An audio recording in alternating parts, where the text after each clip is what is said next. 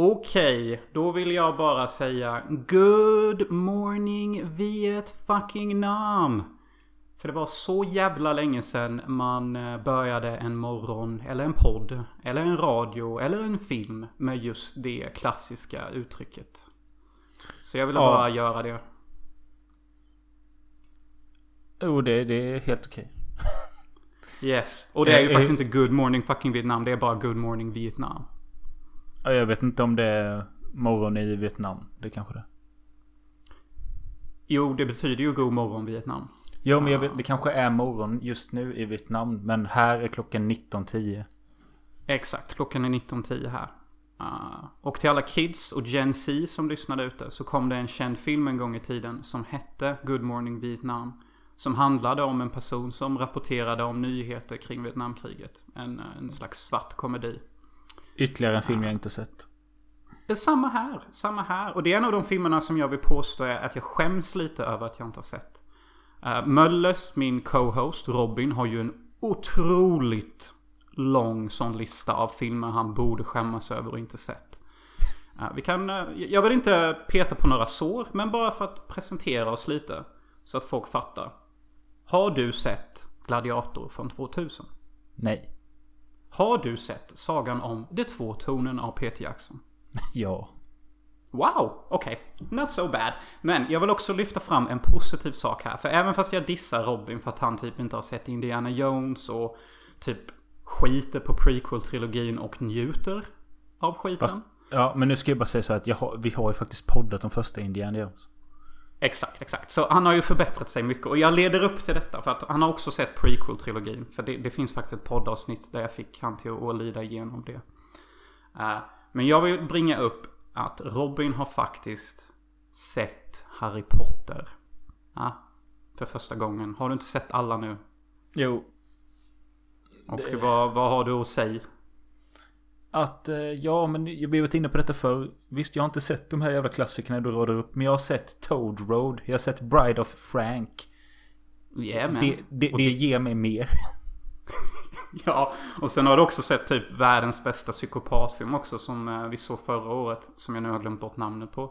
Henry the Killer 2. Ja. Ah, så, Men eh, och sen, angå, a- angående Harry Potter så... Ställ, jag, jag ställde upp för min tjej och eh, såg allihopa. Vi skippade ettan och tvåan. För att jag har sett dem förr och hon var inte så sugen på dem heller. Eh, och sen såg vi alla på typ... Ja, en dryg vecka. Eh, jag vet inte vad jag ska säga. Jag är fortfarande inte fan av trollerivärlden eller fantasy-element. Fantasy-elementen. Men det är ganska mysigt och lättittat ändå. Men jag har väldigt svårt Ja. att fokusera och förstå vad som sker på skärmen. Ja, du tänker stavar och du typ bara what? Hur, hur, hur genererar den ström typ? Eller? Ja men lite så, okej. nu är de och hämtar något horrocrux. Vad ska... Jaha, okej. Ja, horrocruxet är ju där, där man, eh, man gömmer en bit av sin själ så att man kan bli odödlig. Ja. Det förstod du? Eller? Jo, jo. Men eh, jag fattade inte riktigt när de väl fick tag i allt och sånt. Jaha, nej det blir ju lite så här flummigt. De får ju reda på ganska snabbt att de måste hitta sju horrocrux. Och sen så typ samlar de ihop alla på tre timmar. Ja, nej men eh, Halvblodsprinsen och eh, Flammande bägaren var bäst. Nej, det är så fucking priceless Robin. Du är ju helt sanslös. Det är fucking grymt. För det är alltid de två jag säger är bäst också. Och det är de som har varit mina största favoriter sen alltid. Eh, Och det är de enda två Harry Potter jag såg på bio. Och jo, jag såg Deathly Hallows Part 1 på bio med. Men varför är de bäst? Jo, för att det är så mycket babes och romanser och high school stämning. Eller hur? Precis som du sa. Ja, precis. Det känns lite Okej. mer som... Eh, ja men lite mer vanlig teenage drama än trolleri.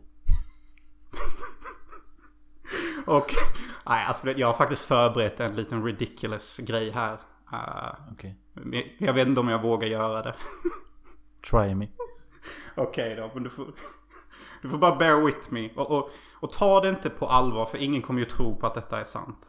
Men... Eh, jag tycker att du har eh, varit rätt hård mot Harry Potter genom åren sedan de kom. Alltså typ sedan 2001. Så jag har faktiskt skrivit ett litet ursäktstal åt din begäran. Så du behöver typ bara verbalt skriva under om du håller med. Okej. Ja. Så jag ska läsa upp här. Ja. Okej. Jag, Robin, Greger, Möller. Det är inte rätt, men nej. Nästan. Ja, i alla fall. Eh, Jag ber om ursäkt alla dessa ändlösa.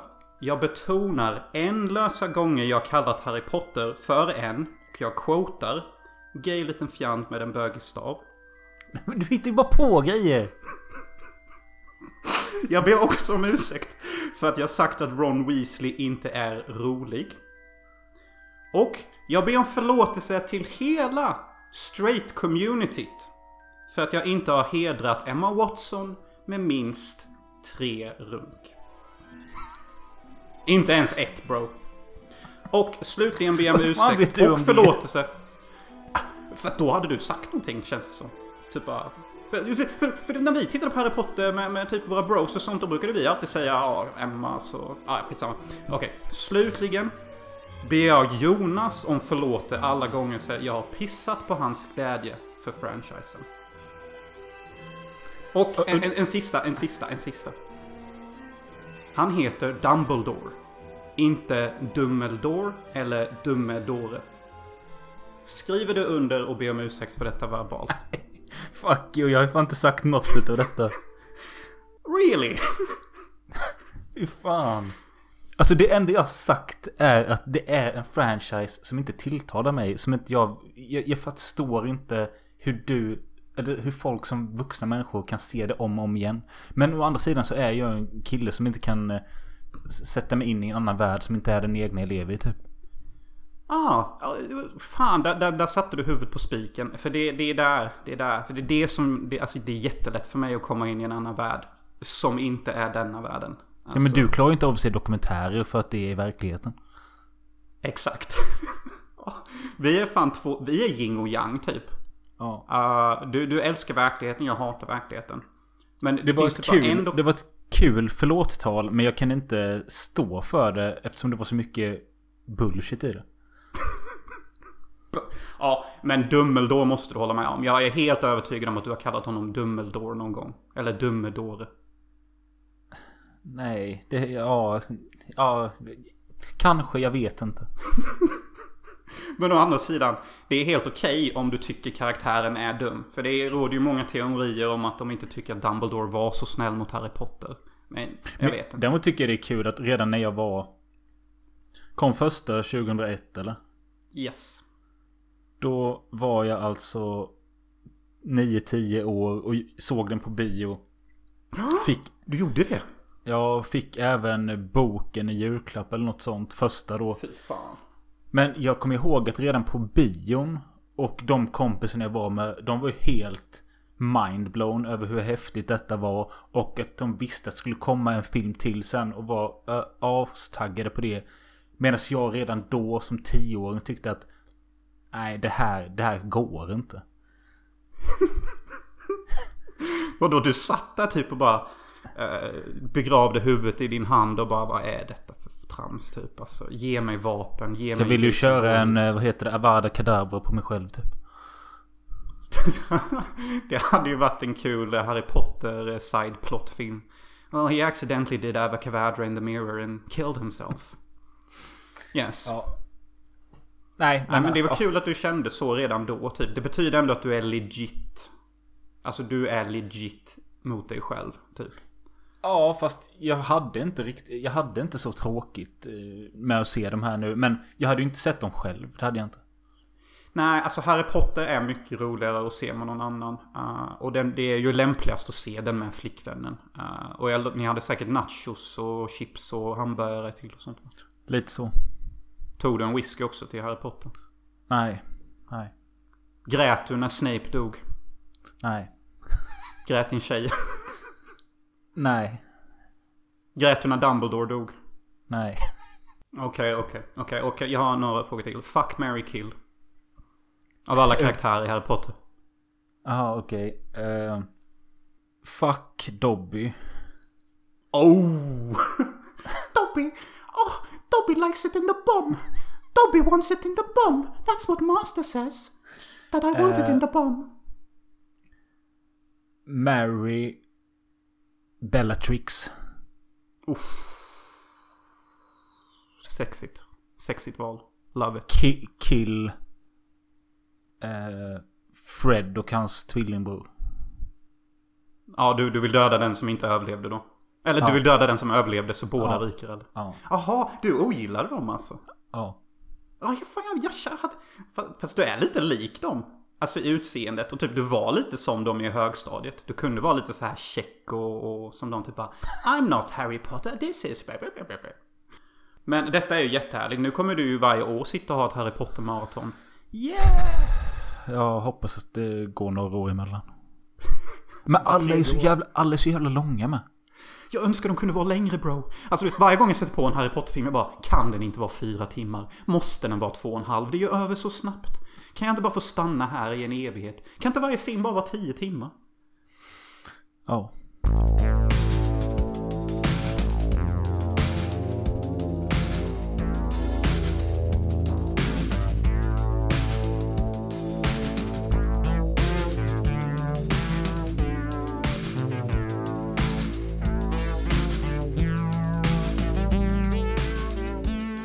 Alltså vi har snackat mycket om män och pojkar och vi ska fortsätta med det. För att, jag vet inte, idag har vi typ någon form av bög-tema eller homotema eller eller appreciate male tema. Eh, men det är mans, bög, slash queer, slash I do things cause I'm a fucking man podd today, okej? Ja, och grundar det sig i, alltså det, det är ju snart, ja, det är flera månader sedan du sa att du ville se Brokeback Mountain. Jag bara, jaha, jaha, okej. Eh, men samtidigt också så nämnde du något i förra podden att det var, en av anledningarna var att du ville eller du snackade något om att vi säger att saker och ting är gay hela tiden. Så jag Mm. fattade inte om det, vill du att vi ska se de här filmerna för att du ska legitimt kunna säga att det är gay? Nej, jag tror jag vill se Brokeback Mountain för att jag vill bevisa för mig själv att jag är mega straight. Och jag klarar av att se en riktigt sexig homoerotisk film utan att bli bög. Och, och, jag kan, och jag vill kunna se en sån film och säga att jag uppskattar den. Och jag vill kunna se en sån film och sen kunna gå i ett sammanhang och säga att saker är gay. Och sen om folk anklagar mig för homofobi, då kan jag säga Bro, jag såg Brokeback Mountain och jag tyckte om den. Så fuck you. Ta dina gayiga åsikter och köp dem i röven. Det är väl typ därför typ. Jag vill att folk ska börja förstå att när man kallar någonting gay så hugger man inte på bögar. Utan man hugger på fjantigheten. För det var faktiskt vad gay betydde en gång i tiden. Att man var fjantigt glad. Och man var lite sprättigt lojig. Uh, så när jag säger gay, det är inte en pik mot bögar. Jag har ju också använt det här ordet, men... Det, om vi nu säger att gay står för det du nyss sa, fjantigt, fjolligt, allt möjligt. Då är det ju det en gay person är också. Uh, man kan vara straight och vara gay. Men du kan också vara gay och inte vara gay. Ja, jag fattar. Va? Vänta nu. Ja. Ja, jo, jag fattar. Du kan vara bög. Men det betyder inte att du är gay. Nej, jag fattar. Och det, och, det, och det älskar jag med Brokeback Mountain. För den är jävligt bögig. Ska vi Men prata är om den gay. nu? Ja, vi gör det. För att den, den är inte gay. Eh, jag tänker bara go out and fucking say that. Den, visst, bögig as fucking shit. Men uh, whatever liksom. It's a Men- fucking strong passionate drama. Fuck Du you hade- om du inte har sett den. Du hade inte sett den innan? Aldrig. Aldrig. Men jag, den har ju legat i mitt medvetande sedan 2005. Alltid. Ja, och jag tror att 2005... Ett år efter Lena PH vann Melodifestivalen i Sverige med låten Det gör ont, det gör ont. Det är gay att du vet det. Och det är gay hur på sättet jag sa det. Ja. Se, där var ett jättebra exempel. Det var gay. Det var två gay i, i en movement liksom. Fast det, det var kanske lite mer bögigt att du kunde det. Nah. Ja men det känns ju typiskt bögigt att kunna Melodifestivalen typ. Nja, det snuddar mer åt gay-hållet. Okej. Vill jag nog påstå. Ja. Men det är ju inte bra för mig. Eh, för det är ju bögig man vill vara, inte gay. Yes, yes. Vi kommer komma fram till vad man ska och inte ska vara. Bara bear with us, okej? Bara Hur som helst. vidare. Jag såg eh, Brokeback Mountain eh, för första gången någon gång i gymnasiet tror jag. Eh, Du gjorde det? För jag kommer ihåg att den kom 2005 och sen var det ju liksom Den var lite av en snackis när man snackade film de fem kommande åren där och vi gick gymnasiet sen. Och jag kommer ihåg speciellt en kille i vår klass, jag behöver inte nämna något namn. Men han tyckte det var så himla kul och sjukt typ att den filmen fanns. Mm. Eh, och någonstans där kände jag väl som du kände nu att jag måste se den för att se liksom Vad är det? Är det en bra film eller är den bara känd för att den har gay-tema? Och jag såg den då Tyckte väl den var helt okej. Och sen har jag för mig att jag sa i skolan att jag tyckte den var bra. Och det tyckte den här killen var extremt sjukt och kul. Ja. Det är ju så när man har IQ 70 eller någonting. Sen dess har jag inte tänkt så mycket på filmen. Men mer än att eh, vi har ju en kompis eh, som jag vet brukade se denna när han var bakis innan. Och då tyckte jag det var kul att göra lite bögskämt. Det där är ju roligt om något. Ja, så bara, Vad ja, fan är ditt problem? ligger där i bakiskåt och kollar Brokeback Mountain. Du får säga att du är bög. Det gör dig mindre gay. Ja, exakt. Det är fan mer gay att titta på Brokeback Mountain. Om du inte är bög. Än om du är bög. Ja, det är väldigt komplicerat detta. Många nyanser till gay Nej. och böghet. Men däremot kan jag säga det nu vid denna titeln så kan jag förstå lite varför man vill se den när man är bakis. För att den är ju Ja. väldigt, väldigt lugn och skön av sig. Ja. Ja. Hur som helst, jag har eh, handlingen här. Eh, den är gjord förresten av Ang Lee. Eh, som är ett namn men direkt, inte för mig direkt. Han har gjort Life of Pi. Har du sett den? Nej, ja. Nej. är det något att ha? Är det den tigerfilmen på havet? Ja, ja. Nej. Men eller vilken är Kontiki då? Det är någon annan jävla... Men Life of Pi panna. tror jag är tigern. Ja. Ja, nej. Nej. Den, Sen den har han är- gjort eh, Crouching Tiger, Hidden Dragon. En film jag alltid tänkt jag borde se. Jag har den på VHS. Eh, och det är en väldigt konstnärlig kung fu-film som jag har sett ändlösa gånger utan att begripa mig någonting på vad fan den handlar om. Den är typ av snygg och cool. Alltså det är, ja, men alltså det är så här, det är skumma ninjos som typ svävar mellan tak och har elaborerade fighting-scener i himlen typ.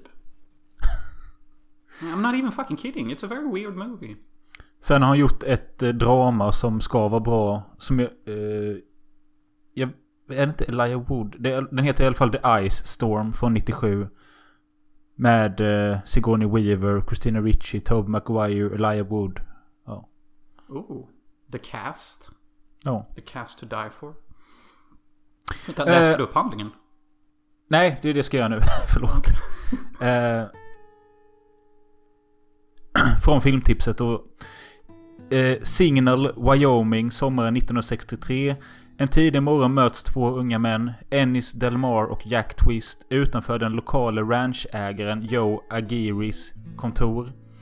De söker båda ett tillfälligt jobb, vilket består i att vakta en fårhord uppe i det vilda Brokeback Mountain. När sommaren är över har hela deras tillvaro förändrats dramatiskt och livslånga band har knutits. Ja. Alltså det är ju handlingen i ett fucking nutshell. Men för att förenkla det. Två killar vaktar får och känslor etableras mellan dem. Nej, Uppstår kanske. Ja. Uppstår. Eh, och, eh, och alltså, jag måste bara trycka in lite här att alltså, den första halvtimmen, alltså denna filmen är egentligen lite genial.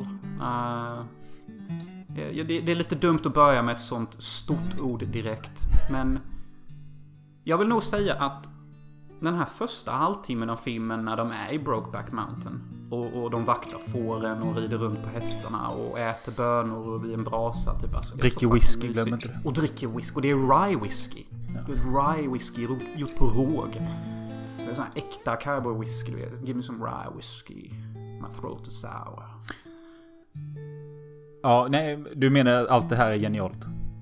Ja, alltså, nej, Ja. alltså, det är genialt att börja filmen så och bygga deras eh, connection så starkt. För att man köper verkligen att de har en connection med naturen och sen att de bygger en connection med sig själva och varandra.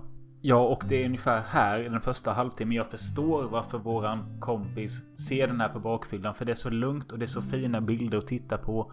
Eh, och jag vet också att den här mannen vi pratar om har alltid drömt typ om att vara lite av en cowboy och leva ute i det vilda. Sitta mm. där och dricka sin whisky och bara hålla koll på några får. Och det ser ju förbannat gött ut. Ja, det gör det. Det ser riktigt förbannat gött ut. Och det finns, det finns en stillbild i filmen när det är typ tusen får i bakgrunden. Mm. En hund sitter och vaktar Jake Gyllenhaal och han sitter och chillar med en kopp. Och jag bara bro, take me there. Varför är jag på ett kasino och delar ut kort till massa dekadenta alkoholister typ? Det här är inte ett liv jag lever. Nej, eh, men de här två karaktärerna, om vi ska prata lite om dem så är det ju Jack Twist som spelas av Gyllenhaal och eh, han eh, är väl lite mer framåt och lite mer utåtagerande om man ska jämföra med Ennis Delmore som spelas av Heath Ledger som mm. han öppnar ju typ aldrig käften. Nej, ja, det, det jag sa direkt i mitt egna huvud var att Jake Gyllenhaal är kvinnan och uh, Jokern, uh, eller vad fan han heter, vad heter han på redet? Heath Ledger. Ja tack, Heath Ledger är mannen.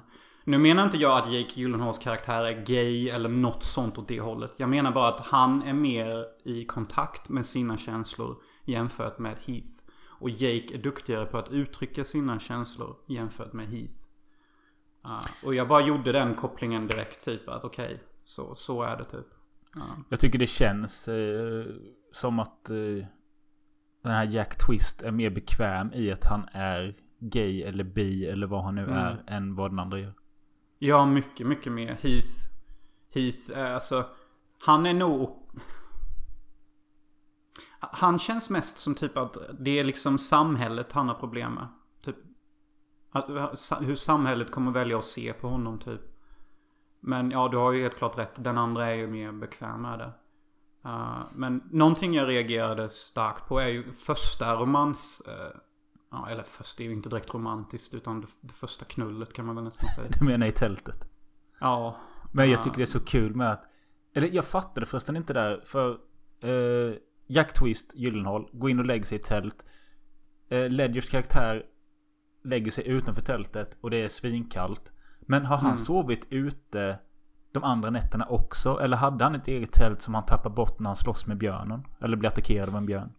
Nej, de bara tappade bort viss Ja, så kanske det var faktiskt. Ja, så var det ju faktiskt. Så ja, annars, så Björn. Ja, så, ja, Robin, så är det ju. Uh, det fuckade ju upp uh, hans tält där. Och, och, och eftersom det fuckade upp hans tält, det var också då han blev så kåt på whisky när han kom tillbaka. Och så blev ju båda fulla där. Och sen så säger ju Jack Twist från tältet bara Get you fucking uh, scranny ass in here and stop complaining bitch. Ja. Eller någonting. Och sen blir det värsta manliga knullet. Uh, alltså, det är ju typ fast lite det är, triggering. Det är, det är lite kul med att uh, de typ sover fast inte sover. Och uh, Gyllenhaal lägger armen runt honom och de bara vaknar upp. Och sen så är det bara pang på. Ja, alltså först börjar de ju nästan slåss och typ av vad ja. fan gör du din bögjävel? Vad fan håller du på med?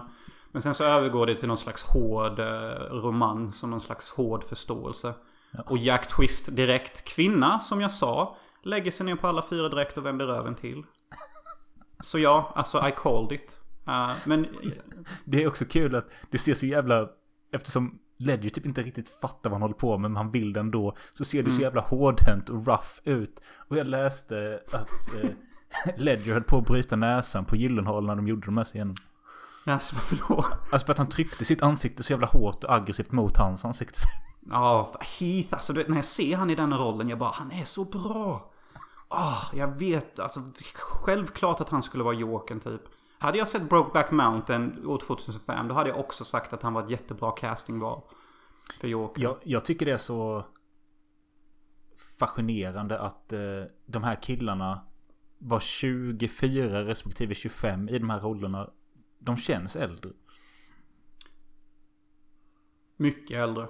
Ja, uh, de var så gamla på Reddit då? Ja. Och just det, Heath var ju för fan, då var ju 27 eller någonting. Ja, något sånt.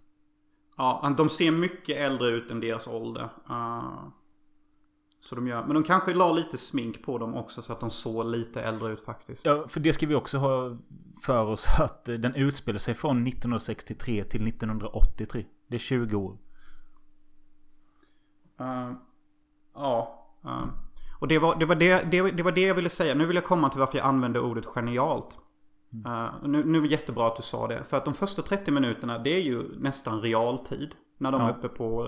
Och, och det, hur, hur de... De kommer så nära varandra och deras samtalsämnen är djupa och har innehåll. Men efter Brokeback Mountain.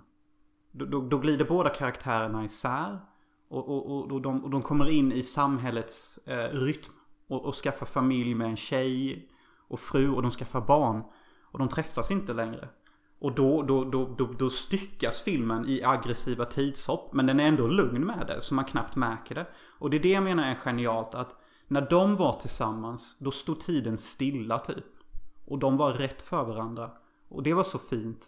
Men sen när de gick skilda vägar och låtsades vara någon annan. Alltså en straight man som ville ha familj, I don't know. Då bara sp- sprang tiden iväg. För de, de, de, de, de, tog, de tog inte vara på tiden. De, de, den bara flöt iväg. De, de levde bara ett liv som inte var deras. Och det tyckte jag var genialt. Typ. Hur man kunde känna det. Hur den var uppbyggd, strukturerat. Ja, det är väldigt sant det du säger.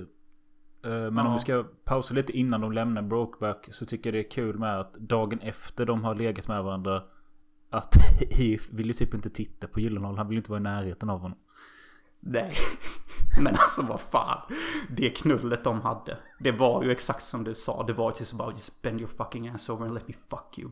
Och Heath typ bara I ain't no queer. So I'm gonna fuck you like a man. Och det är typ så Och det är det jag gillar som fan. Typ att visst de här är bögar. Men de är ju fortfarande män. De låter ju inte sin maskulinitet försvinna. Nej. Och därför tycker jag om filmen jättemycket.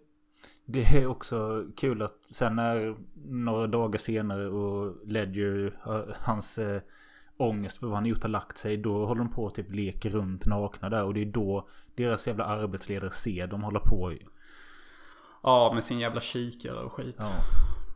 Ja, Men fan. de kommer i alla fall då när sommaren är slut så säger de ju att eh, eh, Gyllenhaal säger jag ska nog hit nästa år igen. Kommer du? Nej, jag tror inte det. Och sen så går ju Ledger och spyr. Mm. Och han, han går och boxar in i en vägg typ. Och, Ja. Men alltså han förnekar ju...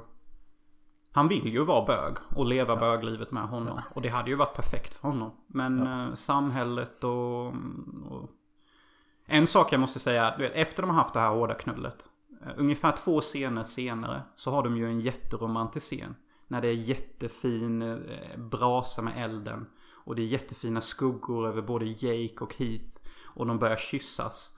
Och jag bara, det här är CP-romantiskt. Alltså, I'm so fucking into this. Och då gick det upp en kula, eller en lightbulb i mitt huvud att boom. Det hade fan kunnat sitta jätter och kyssa varandra här. Och du hade varit into this. Det handlar om ljussättning. Det handlar om mood. Det handlar om fucking camera angles. Uh, det är därför jag känner vad jag känner. Uh, med, med detta sagt, jag fick inte boner. Så där har vi beviset. För att om inte denna scenen mellan Heath och Jake, två skitsnygga killar i världens romantiskaste setting, börjar ha sex och jag inte får ett litet jävla muskelryck. Då är jag pretty straight och that's the proof. Och för, för Det är så kul att du Jake- måste se detta för att ta reda på det. Ja, men bara så att alla vet där ute. Typ att det, det ger mig rätten till att säga de saker jag säger för att jag har tagit reda på saker. Eh, För sen när, när Jake Gyllenhaal typ har sex med Anne Hathaway, som är skitsnygg i denna filmen. Så fort hon visar sina bröst, då får jag ett muskelryck i min penis. Direkt, det tar en halv sekund. Ja. Så that's the proof typ. I'm not gay. I wasn't even worried. Men jag ville bara se hur jag reagerade ändå.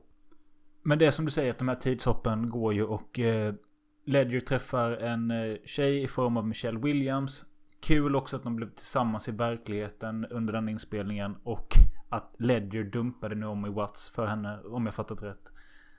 Naomi Watts, vad fan är det nu igen? Oh, just Mulholland- det, det är hon med blonda. Mulholland Drive, ja. Ja, en annan Nej, sak han är Ja, Nej, de blev tillsammans på riktigt här i alla fall. Mm, ja, det är fint. Och sen måste Michelle vara med. Måste Michelle alltid vara superdeppig. Och, och missnöjd i varje film.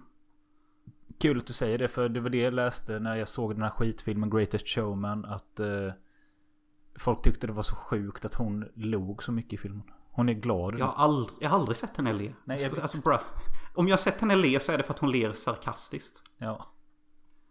Uh, och, och jag skrev ju till dig när jag såg filmen att jag blev triggered. Och, Ja. och att jag hade panik och mitt nervous system broke down. Och, Och det är ju inte trodde jag, då trodde jag det berodde på första sexscenen där. Nej, nej, nej, nej, nej. Det, det var mest typ så här, typ shit det händer verkligen. What the fuck is this? Och så började jag tänka på vår film Körskolan 2. Som är typ mer brutal. Ja. och mer hård. Och mer manlig. So fuck you Brokeback Mountain. Vill ni se en hårdare bögscen, se Körskolan 2. Ja. F- Word, motherfuckers. Uh, men nej, men det jag fick trigger, det var alla pregnancies och alla barn. För Heath Ledgers karaktär producerar ju typ fyra barn på typ fyra scener. Och sen helt plötsligt så är han gift, har fyra kids och de skriker och håller på och jag bara känner mig så triggered.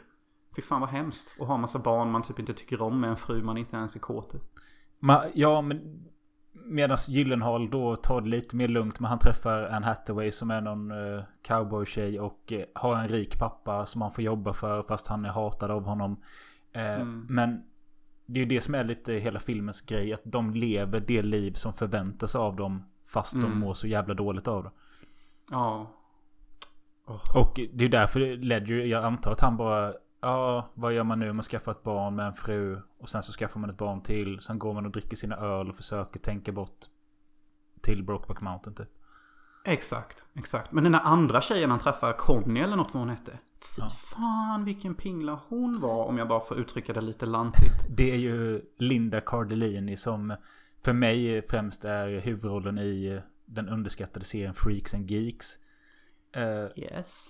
och så är hon ju även Welma i Scooby-Doo. OMG, det är hon faktiskt. Uh, helvete. Ja, men hon är ju... Ja. En vandrande polkagris, eller vad man ska säga. Uh, Men det tycker jag också är ett av de bästa grejerna i filmen när... Uh, ja, hur som helst, det går... Tiden flyter på och... Uh, Gyllenhaal sticker ju tillbaka till Brokeback Mountain året efter. Och frågar om Ennis Delmar har varit där. Det har han inte. Uh, och sen går det ytterligare några år. Och när de väl träffas så har det gått tre eller fyra år sedan den sommaren de träffades. För då kommer Jack Twist hem till Ennis Delmar. Och Mm. Ledger dricker typ åtta öl i väntan på honom. det är så ja, kul han, att ja, han se gör det. att ölen Ja, bara han staplas mer och mer. Eh, Ja, jag tänkte då, det när jag såg scenen typ. Vad fan dricker han så mycket för? När han väl kommer och Ledger inte kan hålla sig utan bara vrålhånglar han mot väggen mitt utanför fönstret. Så jävla dum är Mm. han. Mm. Men han är ju inte dum för han vill ju kyssa honom först. Men sen så bara, nej vi måste backa in i något skydd. Och så är det ju inte ens ett skydd. men du har ju rätt. Han är, att, men det är det jag gillar. Alltså, när jag ser denna filmen då tänker jag det där är äkta kärlek. De, de kan inte hålla händerna från varandra. Inga andra dejter eller vi får se nästa vecka. Utan... Let's fuck. Men att där ser Michelle Williams det ju. Mm. Och det tycker jag är en kul följetong. Att hon liksom... Hon blir helt knäckt och sen kommer han in och bara Ja men vi sticker iväg och vi ska supa i natt och kanske fiska eller något. Så jag kommer inte hem. Och hon bara fattar direkt. Och sen liksom pågår det i flera år att varje gång han sticker iväg och fiskar, han glömmer liksom fiskegrejerna och han har inte öppnat sitt fiskespö på flera år. Det är så... Det måste vara så jävla knäckande för henne. Ja, det, det, det är jättefint att du typ tar hennes sida och sympatiserar med henne. Uh, Ja men, de, ja men det går inte att prata med Ledger heller. Han säger ju ingenting. nej, han typ bara mumlar typ. Eller bara, jo. Yeah. Ah, you know. I guess so. Ja, den enda han är öppen med det är ju Jake. Och det är ju därför jag älskar en av de sista scenerna. När Jake bara typ bara, alltså bro. Vi hade kunnat ha ett riktigt fint bögliv. Uh, allt vi har är brokeback. Och... Uh, men sen så säger ju Heath bara, ja men bro. Jag är typ fattig. Inflationen äter upp allt. Sorry att jag inte är lika smart som du som typ lyckades fixa ett bra ekonomiskt liv. Jag kan typ aldrig ta ledigt bro. Så... De säger dock inte bro. Någonsin i hela filmen. Och tack och lov för det.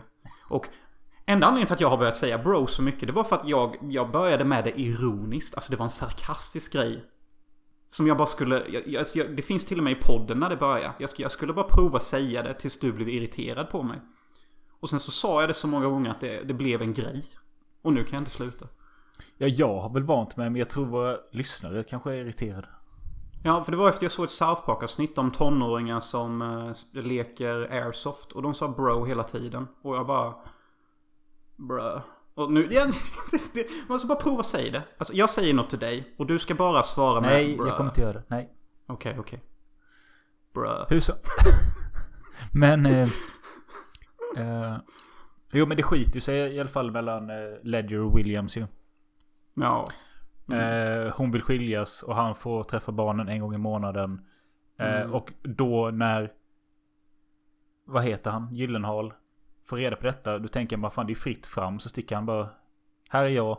Nu kan vi leva tillsammans. Och han bara. Nah, jag vet fan. Det... Ledger säger ju nej till det ju. Ja. När fan var det då? Jag, Ja, missade men nog den biten. alltså, det blir ju skilsmässa mellan dem. Ja just det där, det är när han står i kyrkan där och gråter eller a Ja, och sen så flyttar han ju till något eget ställe. Och då kommer ju Gyllenhaal dit och säger bara. Jag hörde om skilsmässan. Nu är jag här typ. Och då vill ju ändå inte Ledger riktigt för att han vill ju inte visa sig. Som öppen bög liksom. Mm. Ja det här... Men man får ju också reda på. Eh, att Ledgers pappa har berättat för honom när han var liten. Eller visade honom ett lik som blev ihjälslaget och eh, mutilated. De tog bort kuken på honom för att han var bög. Och det var någonting hans pappa visade honom när han var liten. Jaha, är det därför han har den här flashbacken i slutet? Ja, För att han precis. ser ju någon flashback när någon, någon man blir ihjälslagen. Ja. Oj. Ja men alltså, ja men det är ju vad... Nu, vi spoilar ju hela filmen nu men... Kan vi göra det? Alltså denna filmen har varit ute i fan 20 år grabbar. Ja. Har ni inte sett den än Men- så får ni skylla er själva. När Jake Gyllenhaals karaktär dör Mm. och Ledger ringer Anne Hathaway, alltså Mm. Gyllenhaals fru. Så berättar hon Mm. att liksom en bil har sprängts i hans ansikte eller något sånt. Ett bildäck ja. Ja, precis. Och därför dog han. Direkt så tänker ju eh, Ledger på att nej, det som verkligen har hänt är att han har blivit påkommen som bög och blivit misshandlad till döds. Det är Ja, det han vi får se. så. Ja. Och Jaha, sen så det är hans... vision ja. Men Mm. vad som egentligen hände med han, det vet vi inte. Det kan ju vara Nej. så att Anne Hathaway säger så här för att hon vill inte berätta att han blir påkommen som bög och misshandlad till döds. Det känns ju nästan som att hon anordnade det. För att hon framstår ju som en ganska slug och skarp kvinna. Ja, men vi kommer aldrig få reda på det. Det finns inget svar på det. Nej, nej. Och, och för helvete vad slut... Alltså, denna filmen har en av de bästa slutbilder jag har sett i en film alltså. Helvete vilken bra sista stillbild det är. Alltså sista framen i filmen. Eller sista Men- vinkeln. Han står med skjorta menar du? Han, han, han, han står ju och tittar på den här Brokeback Mountain-bilden. Där deras eh, kärlek bildades. Ja. Och, och sen så stänger han ju eh, sin garderob. Eller först kollar han på bilden och så säger han Heath då. Jack Twist, I swear. Och det är allt han säger. Sen Ja. så stänger han ju garderoben. Och så ena halvan av bilden så är det den stängda garderoben med minnet och Jack då. Och i den andra halvan av bilden så har vi den öppna fönsterrutan med naturen. Så detta är liksom Nu är en av de här i denna stora fina kärlekssagan begraven. Och nu finns det ett liv kvar. Typ. Och jag vet inte, det bara tog mig så hårt. Jag bara shit vilken film jag sett. Ja. Jag trodde du menade att det hade någonting med komma ur garderoben att göra. Ja, ja, Jesus fucking Christ. Det där är ju så jävla obvious att jag inte ens tänkte på det. Eh, Men ja, det är ju också sant. Uh, snygg eh, observation. Eh, så kan man ju också se det. Men eh, det, är ju också något eh, sorgligt och konstigt med när Ledger besöker Gyllenhaals föräldrar Mm. eh, efter han är död. För då säger ju pappan att han har träffat en ny kompis, en manlig kompis. Och de skulle Mm. iväg till någonting, Brokeback Mountain eller något. Och då fattar väl Mm. Ledger att han har hittat en ny kille. Men det spär ju också på det här med att han kanske blev ihjälslagen. Ja, faktiskt. Faktiskt. Men sen så å andra sidan, Heath förstår ju att han skaffade ju bara en annan kille för att han var så extremt sexuellt och kärleksfrustrerad. För att han fick ju inte vad han behövde från Heath. Jag älskar det när han säger bara, Har du varit i Mexiko? Bara, ja, jag nöjer mig inte med ett, ett eh, härligt knull var tredje år typ. Exakt. Exakt. Och jag älskar att det sas och att det sas på ett sånt manligt sätt. Det är det jag menar med att filmen är manlig. Guys need sex. Otherwise we get prostate Det ser cancer. så jävla läskigt ut när han sticker till horkvarteren i Mexiko och bara går in i ett mörker Mm. med någon. Ja, det ser inte alls bra ut. Och det, han har ju gone off the rails, denna killen. Uh, men alltså jag köper hans beteende. Jag gör det. Alltså kolla här, vi är män. Och, och de behov vi har, vad de än är, måste tillfredsställas. Annars blir vi monster. Uh, och det är någonting jag tror en kvinna aldrig kommer förstå sig på. För jag, för jag har aldrig sett en kvinna som har behov så starka att det kan eh, övervinna deras sunda förnuft. Däremot har jag sett det hända ändlösa gånger i mäns liv. Det måste ju vara på grund av uh, Ledgers eller Ennis Delmars att han eh, inte vågar stå för den han är måste ju också vara det bidragande faktorn till att han nitar folk till höger och vänster genom filmen. Tänkte du på jo, jo, helt klart. Ja, ja, absolut. Han blir så jävla aggig. Jag älskar scenen när han eh, sparkar ner de där två jävla motorcyklisterna och det är fyrverkerier i bakgrunden. Ja. Det ser så jävla coolt ut. Ja, så det gör. Men jag, jag, jag, jag håller med dig. Det är en jävligt fin historia och jag eh, tyckte bättre om den nu än vad jag gjorde förr. Eh, kanske lite mer mognare nu. Eh, och jag funderade också. Hade den funkat med ett vanligt straight förhållande eller så är det en man och en kvinna. Den hade nog funkat. Men det hade inte blivit lika starkt. Men nej, för att det hade ju fått blivit en annorlunda historia då. Det hade ju Ja. först, för det första inte makat sense att de tog breaks mellan varandra. Vilket är hela filmens struktur typ. Jo, men det, då handlar det ju... Ja, i och för sig när de träffas så är de ju singlar. Eh, men om vi Mm. säger att det hade varit att de hade levt ett familjeliv och träffats så. Och känner att det är vi som är ämnade för varandra. Men vi kan inte lämna våra familjer för... Jag vet inte. Nej, alltså denna sortens handling och hur filmen är uppbyggd. Då måste det typ vara samkönat. Eh, det hade kunnat funka om det var en gender swap. eh, lika bra, om de hade gjort det lika bra. Eh, men... En annan grej jag tänkte på är att det känns som att på den här tiden när den utspelar sig i 60-tal. Eh, ja, 60 till 80. Det känns inte som att det ens fanns på kartan. Alltså även fast det, det var hemskt att vara bög. Så känns det inte som att det, det fanns lesbiska kvinnor. Nej. Eller ja, eller ingenting man fick reda på eller hörde om Nej, eller men, visste. men jag menar alltså det som var det bästa är väl om två män knullar med varandra. Det måste ju alltid, det har ju alltid varit värre än två kvinnor. Ja, ja, ja. Så Alltid. därför funderar jag på hur hade denna historien funkat med två kvinnor? Alltså... Det hade ju funkat om jag skrivit den tror jag. Men det hade ju tagit mig typ ett år. Ja. För det, för det är en sån fin... Och sen det handlar om tidshopp också. Det är jättesvårt att skriva tidshopp. Det måste make a sense pacing wise. Ja. Och, och, och publiken får inte bli förvirrad. Jag är skitdålig på tidshopp. Det är därför allting jag skriver utspelar sig i typ realtid. Och sen flashbacks kanske. Ah, jag tycker det är väldigt sorgligt i, mot slutet av filmen. Att Ennis Delmar lever själv i någon trailer och bara är deppig för att han inte kom ut och gjorde det han skulle. Så det är väldigt starkt att fördärva ett helt liv för att du inte vågar. Ja, och det är väl det som är the sentiment eller budskapet. Typ att alltså våga leva det liv du vill leva. Annars kan du bara få de här enstaka gångerna om året där du kan vara dig själv.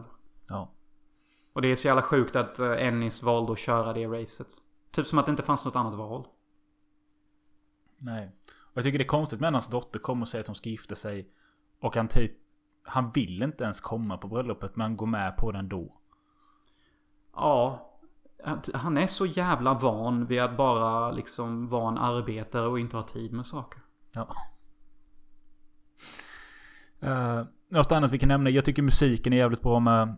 Ja, ja. Den, eh, den vann Oscar för bästa regi, bästa adapted screenplay och eh, best original score. Fair Ja. enough. Och eh, Ledger fick intervjuer svara på om eh, han hade några, om han var rädd för att spela, porträttera en bögman. Då hade han svarat att eh, jag är inte rädd för rollen. Utan jag är bara rädd för att jag inte är mogen nog för att göra det till justice. Jävlar. Det svaret bevisar ju typ att han är mogen nog för det. Jo men det var det vi sa med att de känns ju inte som några jävla 24-åriga pojkar liksom. Nej, verkligen inte. Verkligen inte.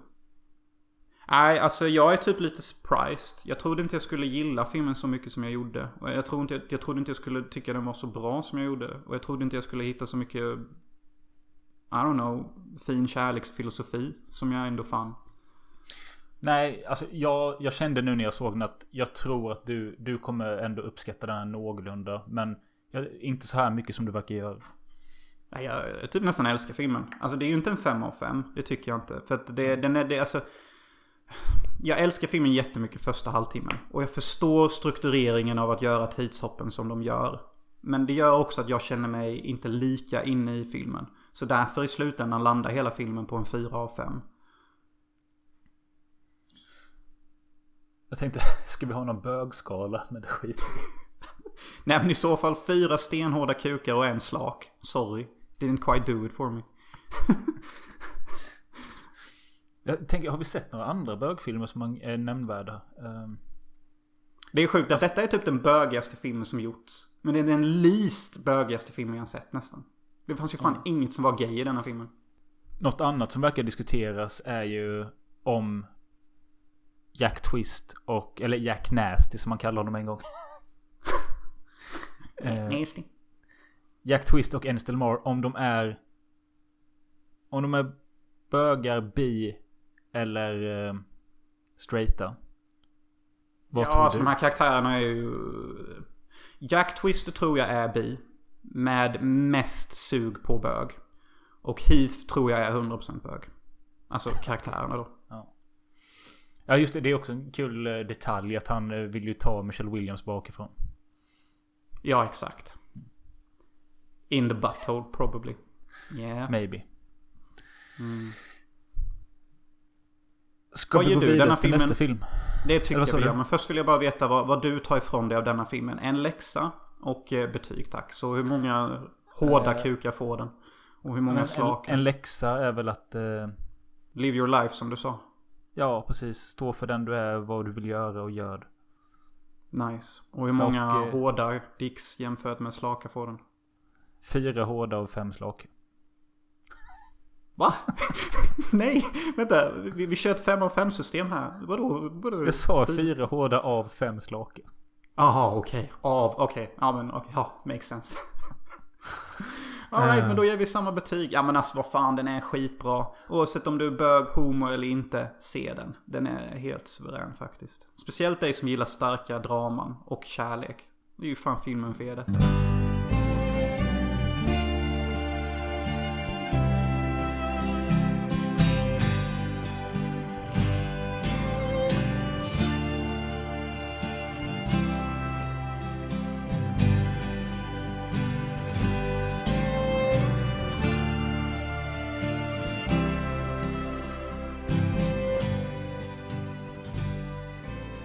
Snacka om Midnight Cowboy från 1969.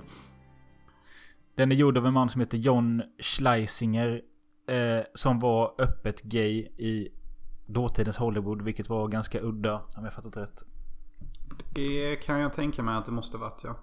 Han har bland annat gjort andra filmer som eh, Maratonmannen med Dustin Hoffman. Rätt bra thriller.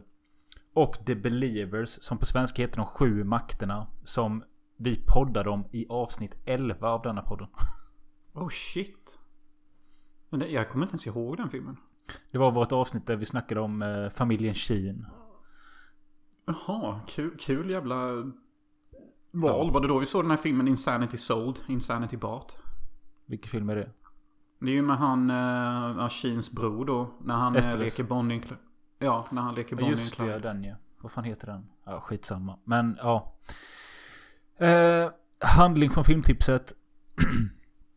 En bondgrabb flyttar från Texas till New York City för att försörja sig som gigolo för rika kvinnor från Park Avenue.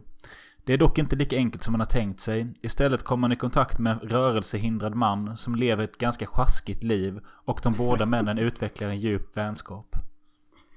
Kunde ju nästan varit Brokeback Mountain. Who's ja, that lite... Joe Buck? Who's Joe Buck?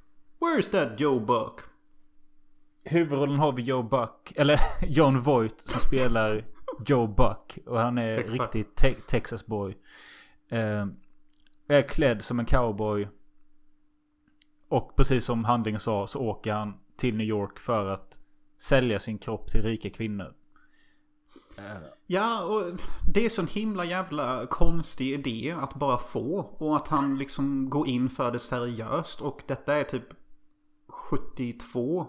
Och han tar 69. liksom 69 och han tar bussen ner.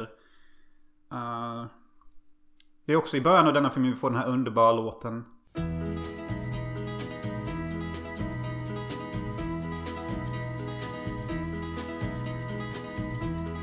Everybody's talking at me. I don't hear words they're saying. Only the echoes of my Everybody's mind. talking to me. And I'm just walking through the rain. Alltså den var ju med i en känd reklam eh, för resor i Sverige för några år sedan. Eh, Ja. Jag visste att den skulle vara med för det var typ det enda jag visste om filmen innan. Att den kan ha något gay under tema. Att han är en manlig hora. Och att den låten var themet i filmen. Ja, och den är med jättemycket första halvtimmen. eh, och, jag tycker det är ett underligt beslut för att han, han bor ju i värmen och är i värmen. Men väljer beslutet att åka ner till the East Side, New York, som har samma väderlek som vi i Sverige. Det är ett jävla decision alltså. Men jag tror att han, han kanske har sålt sin röv eller kuk eh, till eh, folk i Texas och fått lite pengar för det. Så tänker han att om jag åker till New York då får jag big bucks. Och Big Dicks eller? Ja, fast Ja. det är ju det är inte dicks han är ute efter utan det är ju kvinnor. Och det, det första han gör är att han, hans idé är också så jävla skum. Att han bara ska gå runt på gatorna med sin lilla radio. Och typ stöta på någon kvinna som ser rik ut och hoppas att hon vill ta med han hem och fatta att hon ska betala för detta. Ja, hans approach är väldigt så här... I'm just gonna fucking do it. Ja. Och, ja men alltså det, det är så ingen strategi bakom det. Typ, I got some money. I'm going down to New York. I'm gonna be a hustler. I'm Joe Buck. I'm a cowboy. Och det går ju inte så bra. Han, träff, han får, får ju napp på en kvinna där som eh, han ligger med. Och eh, efteråt så kan inte hon betala. Och han får ge henne pengar till hennes taxi. Ja, och det var detta jag tyckte var... Nu, nu, det där jag tyckte att filmen blev jättefin. Uh, för att Joe Buck är en jävligt snäll karaktär. För snäll för sitt egna bästa skulle jag säga. för snäll för sitt egna bästa. Och jag, jag tycker det... Två saker vi inte får ofta i film. Och, och Joe Buck har båda två egenskaper. Och det, är- det är karaktärer som är för snälla och också samtidigt är dumma. Mm. Och, och Joe Buck är både dum och snäll.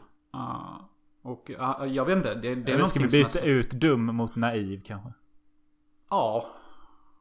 Ja, det, det, det gör vi. För att han- är nog inte så dum egentligen. Han har bara liksom inte varit på så många ställen i världen verkar det som. eh, Nej. för att fatta saker. Um, ja, men han lyckas ju ha sex med henne. Men sen så börjar hon ju skengråta och låtsas gråta. eh, eller någonting. Eh, så då aktiverar ju hans snälla sida och så ger han honom pengar. Eller henne pengar.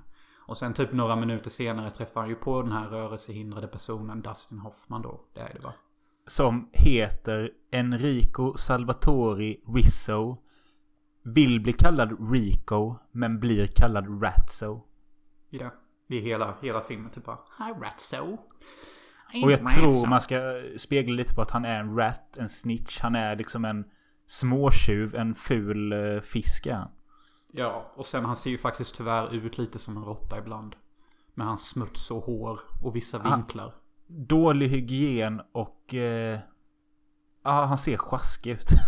Mm, mm. Men de här bygger ju någon form av konstig vänskap. De här två. Joe Buck och den här jävla rörelseförhindrade råttan. Först för att eh, Ratso säger till honom men han fattar att aha du är en cowboy, du är en, en hora typ. Men du behöver mig då för jag ska fixa kunder åt dig. Och det första han gör är att han skickar honom till en konstig religiös gubbe som vill sätta på honom och eh, typ be med honom. Vilket eh, skrämmer iväg Joe Buck. Joe Buck. Vet du vad jag älskar med den scenen? I Nej. typ de första 20 sekunderna. När den här äldre herren typ bara You're not like the others. You know exactly what you want. And you wanna have fun. Du vet, hans delivery är så jävla Harry Potter. Alltså i typ 20 sekunder kändes denna filmen som en sagofilm.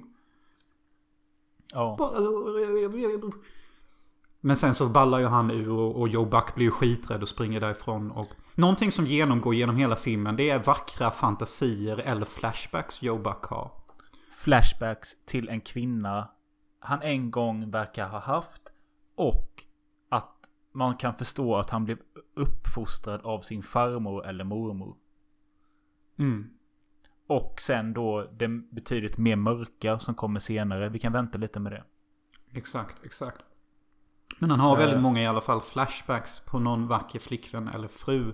Och jag tror att det ledde till någon form av skilsmässa eller att hon dog. Och han kom på alter egot Joe Buck, cowboyen som ska ligga ifrån sina emotionella problem typ. Och det är därför han verkar så verklighetsfrånvarande i många situationer. I'm Joe Buck, I'm a cowboy. Efter den här misslyckade dejten, eller vad vi ska kalla det, med den religiösa gubben. Då blir Joe Buck skitförbannad på Ratso och försöker leta upp honom. Och det går inte riktigt så bra för han hittar inte honom. New York är stort. Men han går bara runt på gatorna och letar efter en potentiell kund eller något. Till slut så får han napp av en yngre pojke på någon jävla biograf. Som suger av honom. Ja, Och får några pengar? Nej. Nej. Nej, och till och med den jävla fittgubbpojken börjar typ bara I don't have any money. No, please don't take my watch. No, no, I just sucked you off, but don't kill me, don't hit me. Och återigen är ju Joe Buck för snäll och bara I don't want your goddamn watch. Typ. Jag tycker det är så intressant med för det, jag har sett det i flera filmer att folk betalar för att suga av. Du menar att det borde vara tvärtom? Man vill väl bli avsugen? Jag skulle ju helst vilja bli avsugen. Men eh, istället för att suga av någon. Men det kanske är någonting som är så jävla gött med att suga så att man är villig att betala för det. I don't know Ja. man. I've never sucked a cock. Have you? Nej, men... eh, Ja, nej jag tycker bara det är lite märkligt. Men det är väl att man vill känna typ att man gör det gött för någon annan eller något. Jag älskar scenen i alla fall.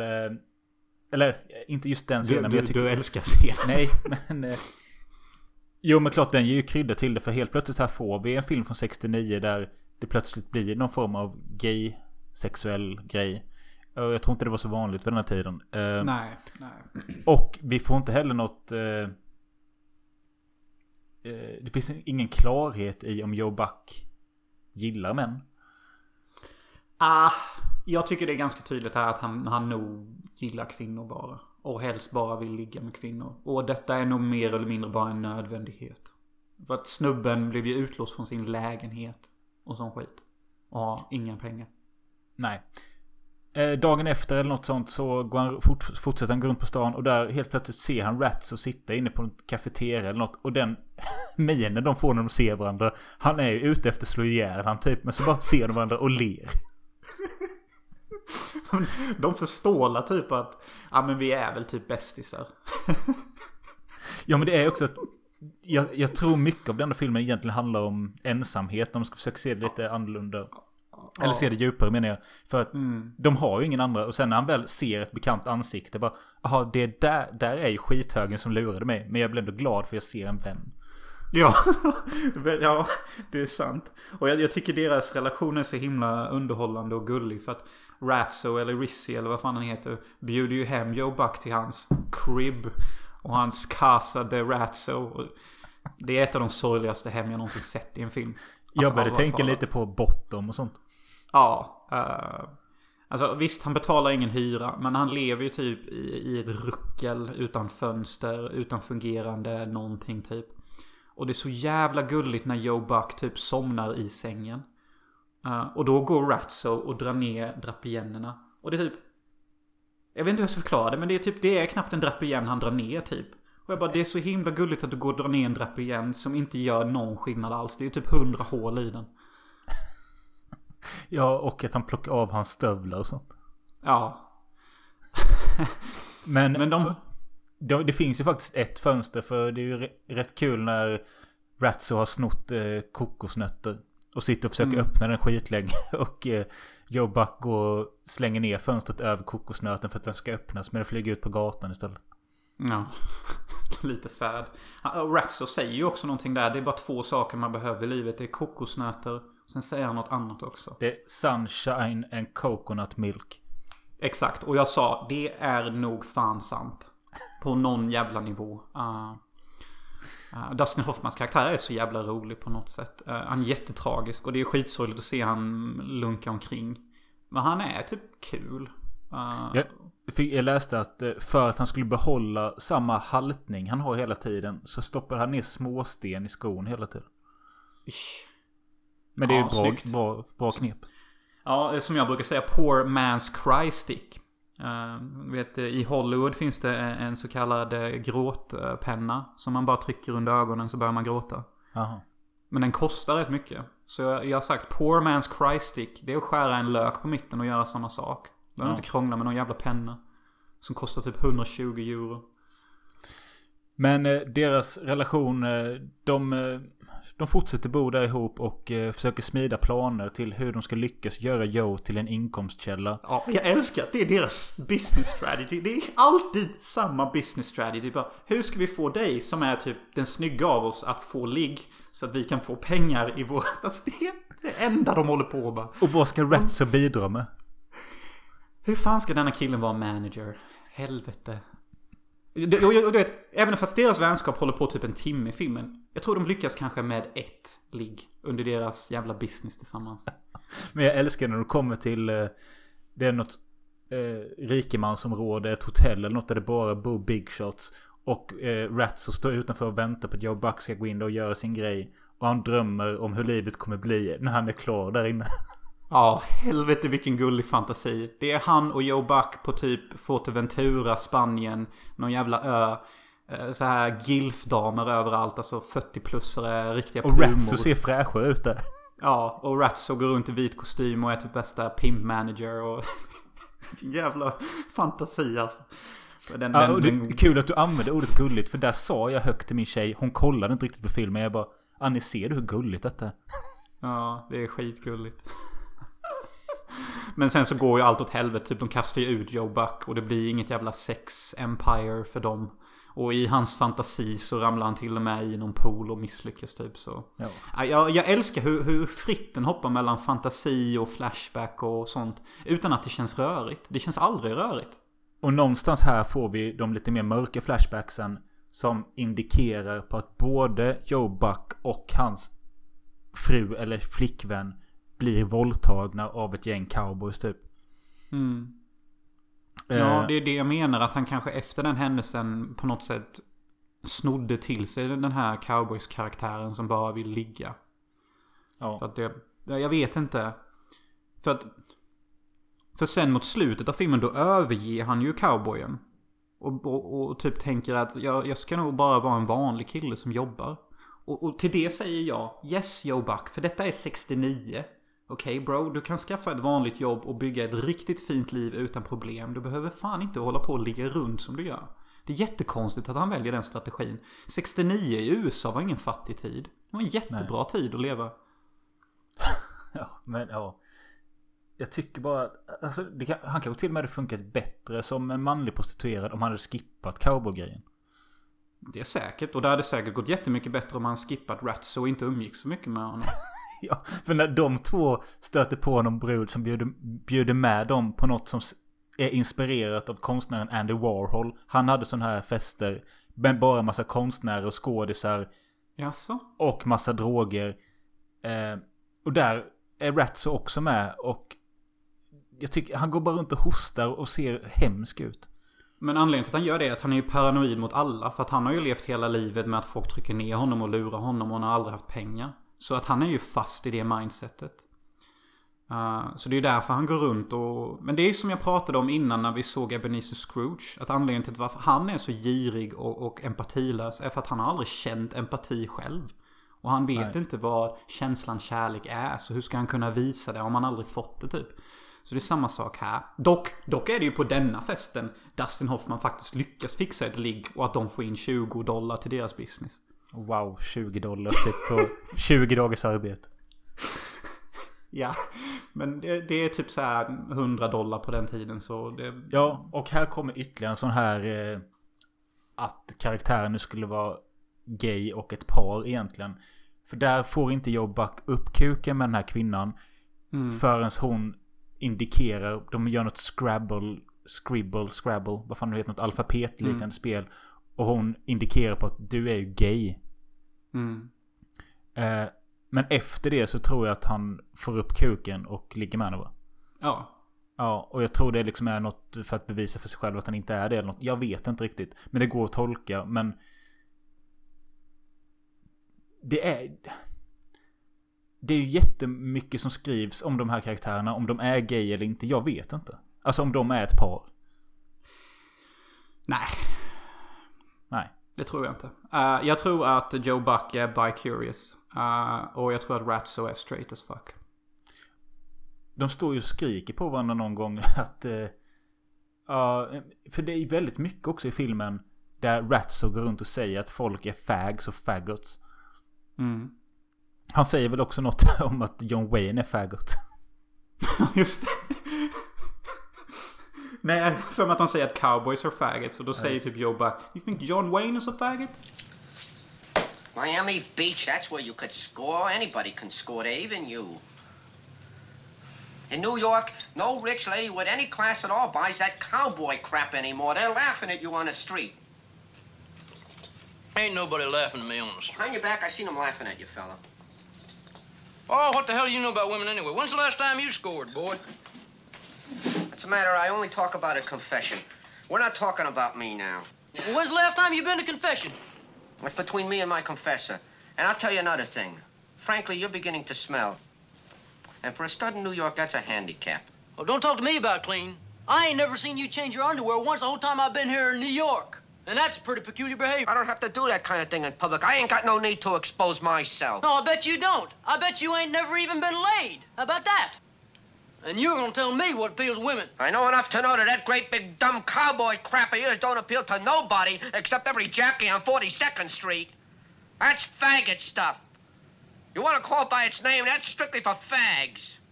Uh, John Wayne! You wanna tell me he's a fag? Kul också att filmen gick i, förlorade bästa någonting mot en John Wayne-film det året. LOL. Det kändes ju nästan lite som en peak typ. Herregud. Men, vad, Nej, tycker, men- vad tycker du om den här trippfesten då? Trippfesten ser jättekul ut. Det ser ut som en fest jag hade helt känt mig hemma på. Uh, verkligen. 100% att jag hade tyckt om att vara där. Uh, det, är, det är en klassisk skön jävla fest med konstiga människor, knark, koks och LSD och bira. Of course I'm gonna like it.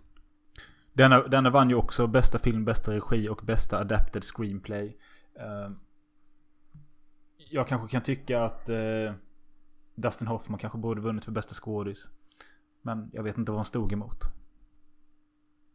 Ja, menar du andra filmen som kom detta året? Ja, precis. Nej, ja, nej alltså, alltså båda är jättebra. Och det är ju Ja. John Voight som spelar Joe Buck. Och John Voight är ju Angelina Jolies pappa. Om ni inte visste det. Vilket är helt stört när jag fick reda på det.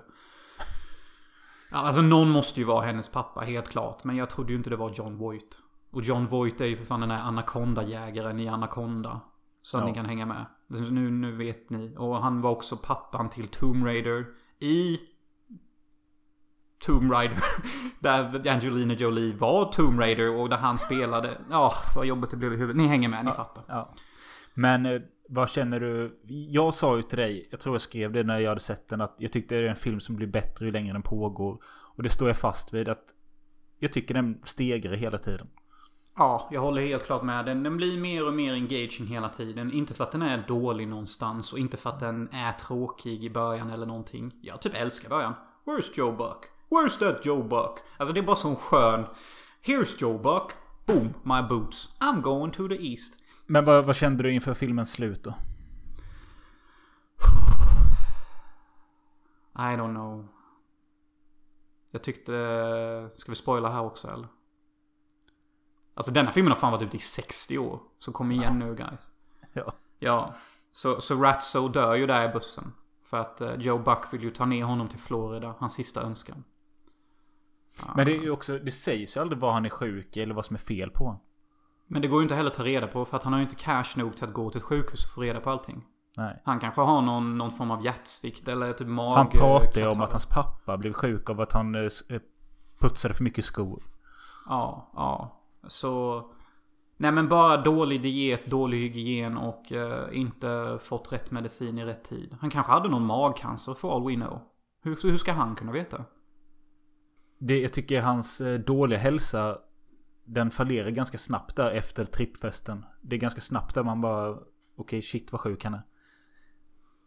Jo men alltså det kan gå väldigt snabbt. Ja. Alltså en människa kan vara typ ganska sjuk och sen så när det väl går från ganska sjuk till väldigt sjuk så kan det typ gå så. Sen så är människan död. Jag har sett Och- detta hända på riktigt så jag vet. ja.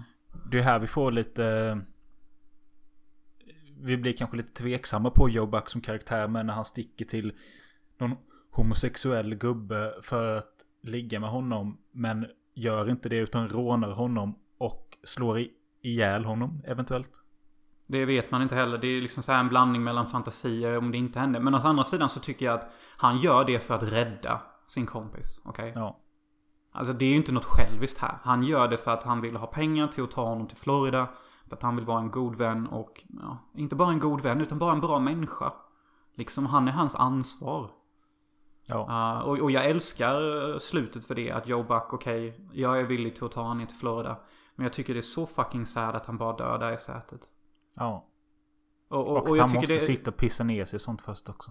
Ja, eh, ja. Och det där är man ju van vid. Ja, inte för att jag själv pissar ner mig så. Men jag har ju tagit hand om människor som har varit sjuka som honom. Och varit med om samma saker. Dock har jag aldrig någon dött jämte mig. Inte så i en buss. Dock har jag sett en människa dö. Men eh, alltså. Sen så det, det är jävligt fint när kameran zoomar in på uh, Joe Buck. Det är då han bara, men alltså vet du vad? Jag ska bara vara en vanlig arbetare och ta ett jobb. Och sen så zoomar ju kameran ut igen och då är han ju död. Så när han bestämmer sig för att bli en vanlig människa och, och väljer den strategin istället för att vara en manlig gigolo. Vilket är en sjuk strategi. Uh, ja men det är det. Alltså på redigt. Speciellt 69 är det bara en helt efterbliven strategi. Då direkt efter dör ju Ratso. Och någonstans satt jag och tänkte att fanns Ratso på Reddit? Jaha, du tänkte så. Ja. Men å andra sidan, ja det gör han. För att han går ju direkt till busschauffören och pekar ut honom och säger att han dog. Så klart han fanns på Reddit. Men det finns något, jag vet inte. Är det något symboliskt där? Ska vi ta till oss något där? Att när han väl har insett att han bara kan vara en vanlig människa. Då försvinner den sjukaste personen han känner samtidigt också. Jag vet inte. Men eh, där blir han ju ensam igen och måste göra något för att stå på egna ben. Jag vet inte. Exakt, och det är väl kanske det kamerans inzoomning handlar om. Att när kameran zoomar in och det bara är på honom. Då är det liksom... Ja, det är ju som du sa, filmen handlar om ensamhet. Det var därför jag kände den, att jag relaterade lite till Joe Buck. Jag tyckte han var lite lik mig emellanåt. Sättet han var typ. Jag kunde inte sätta Ja, fingret på det. säg, säg så här att du kommer en dag till podden och säger att Sitter där i cowboymundering och, och bara Jag ska testa att bli gigolo nu. Gigolo. Jag, det hade inte förvånat någon tror jag. Nej, och det hade inte förvånat mig heller. Att du ens säger så. Att jag kan till och med se det hända. Ja. Alltså, jag vet inte redigt hur, men jag kan köpa att det kommer hända. Kommer hända. Kanske kommer hända. ah, Men, Men är, det det sista, är det det sista vi får se där? Är bussen det sista? ja, och sen så slutar filmen typ några sekunder senare. Den åker iväg typ och... Ja. För det var någonting du sa där om just låten Everybody's Talking. Det är synd att inte den kommer ofta mot slutet. Men det är kanske... Den är med en för- gång till mot slutet. Och det är det, alltså den låten, den, jag tror den låten är en symbolik för Joe Bucks optimism kring livet. Varje gång den låten spelas så är han alltid uppåt och glad. Det är därför den börjar med de första 40 minuterna. Och sen när de kommer till Florida igen. Och, och, och jag tycker det är så roligt för låten handlar om att vandra genom regnet och komma till solen. Men han vandrar ut genom solen för att komma till regnet i New York. Ja. Ja, jo kanske. Nej, inte kanske. Utan det är exakt. Eh, och jag bara... Så det, det, Jo, handlar du filmen om bort- att... Om du, om du tar regn, och solsken som metafor istället. Att han går från något... Fast det, nej, det funkar ju inte heller. För då, då hade det varit att han går från något glatt till något dåligt. Mm, Så det, mm. ja. det, men det, kanske, det gör han ju också på ett sätt och vis. Så ja. Det råder bara en viss motsägelsefullhet i, i, i denna karaktären. Det råder en viss, jag har blivit övertagen av en idé som eh, opererar utan mitt sunda förnuft. Och det där sunda förnuftet kommer tillbaka när kameran zoomar in på honom igen i slutet av filmen. Och också lägligt nog försvinner hans bästa vän då. Ja. Men sammanfattningsvis kan jag väl säga att jag är jätteglad att jag sett den här filmen och eh, Mm. tyckte om den också. Eh, eventuellt en fyra denna med. Eh, Ja, inte, du? inte lika stark som Brokeback. Men alltså, ja, det känns fel att bara sätta en trea. Ja. Och det är Jag alldeles för sätter ju, högt att sätta jag sätter ju halva betyg nu igen. Ja, det blir väl en 3,5 för dig detta då va? Nej, jag tror de får en fyra ändå. Ja, det blir en fyra för mig med. För att eh, jag var aldrig uttråkad. Uh, aldrig. Uh, Men aldrig i, den... Eh, det kanske var så bögig som en film fick vara 69. Ja. Ja. Och visst, alltså den är ju lite bögig. Vi har ju en del kuksug och, och manlig vänskap som är lite sass. Så visst. Ja, men Jag tänkte det- också... alltså- nå- någonting när jag nämnde nu om Rizzos... Eh, eller Ratsos lägenhet är ju att... När jag nämnde Bottom att där finns också rätt mycket bögig underton. Gör du det? Jag tycker det när jag tänker på Bottom att det är två ensamma män. De får aldrig tag i någon kvinna. Och Ja, liksom- du snackar bottom nu ja. Ja, Ja. visst. Jo, jag håller med. Det. Så, så för att en film ska ha bögiga undertoner så ska det bara vara två män i samma scen. Nej, jag vet. Det är alltså det du säger typ. Nej, jag vet inte vad jag säger. Men jag tycker det är kul att vi såg två bra filmer till det här eh, påhittade temat bög. det är ett bögtema. Vill ni ha att vi har ett bögtema part 2? Uh, skriv gärna det, och, men då får ni också skriva filmer vi ska se. För att vi, jag har inte så bra koll på bögfilmer. Eller vill ni att vi ska ha lesbiskt tema, skriv det. Eh, men jag har jättegärna ett bögtema part 2. Um, för att fan vad vi gick in djupt på saker här typ. Uh, så... eh, ja, det Jag, jag sa aldrig det innan vi började spela in. Men jag tänkte säga att vi håller oss under en timme idag. Nu är vi uppe i 1.35. Oj, oj, oj. Oj, oj, oj. Vi kanske ska runda, runda av här då. Runka av. Ja, exakt. Runka av varandra. Vet du vad jag tycker är lite konstigt? Vi har sett två bögfilmer nu. Men det var ingen som föreslog i någon av de här filmerna att göra holländska roddaren. Nej, det finns bara en film jag vet att det förekommer. Och det är ju i... Och då, det där de Zack- verkligen gör det. Zack and Miri Makes a Porno tror jag. Ja, då, då det sägs va? Men, eller gör de det? Jag vet inte om det görs eller om de säger att han nyss gjorde det och så förklarar de vad det är. Okej, till alla lyssnare som inte vet vad det är. Det är när två killar runkar av varandra. Men istället för att man bokstavligt talat tar sin kuk i, din andra hand, i den andra. Så, så sätter man sin egna hand på sin kuk. Och så ber man den andra att lyfta armen Arm. upp och ner. Så att man kommer runt att det är homosexuellt. Och det är därför man kallar det den holländska roddaren. För det är inte bögigt. För man rör egentligen inte kuk. Men det är som att bli avrunkad av någon annan. Oh my god. Ja. Det är ett tips till helgen. Yes, 10 öl in. Let's do it.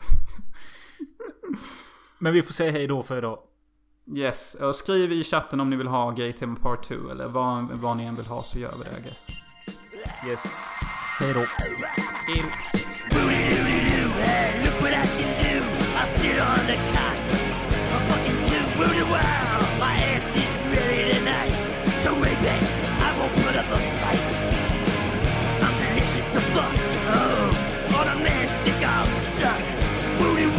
my name is rape. For goodness sake, I'll rape your ass every day and eat a cheese. Wow. Watch me at the Family Fun Center. I'm in a slip and slide. I'm naked as shit, and I'm sliding inside. Ten motherfuckers with a dick ten feet wide. Well, now, fuck me in the middle of a flight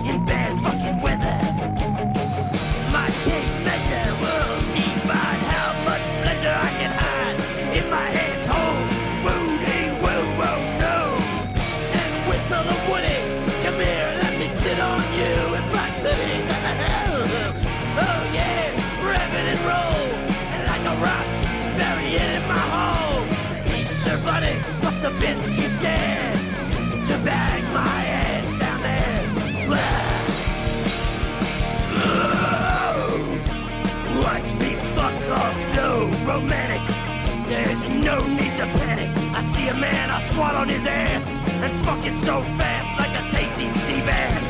Wow, wow, wow, over and over. Wow, wow, wow, let me over. Wow, wow, I meant to say fuck me tonight. If you're a man, my ass ain't tight. Unplug the cork.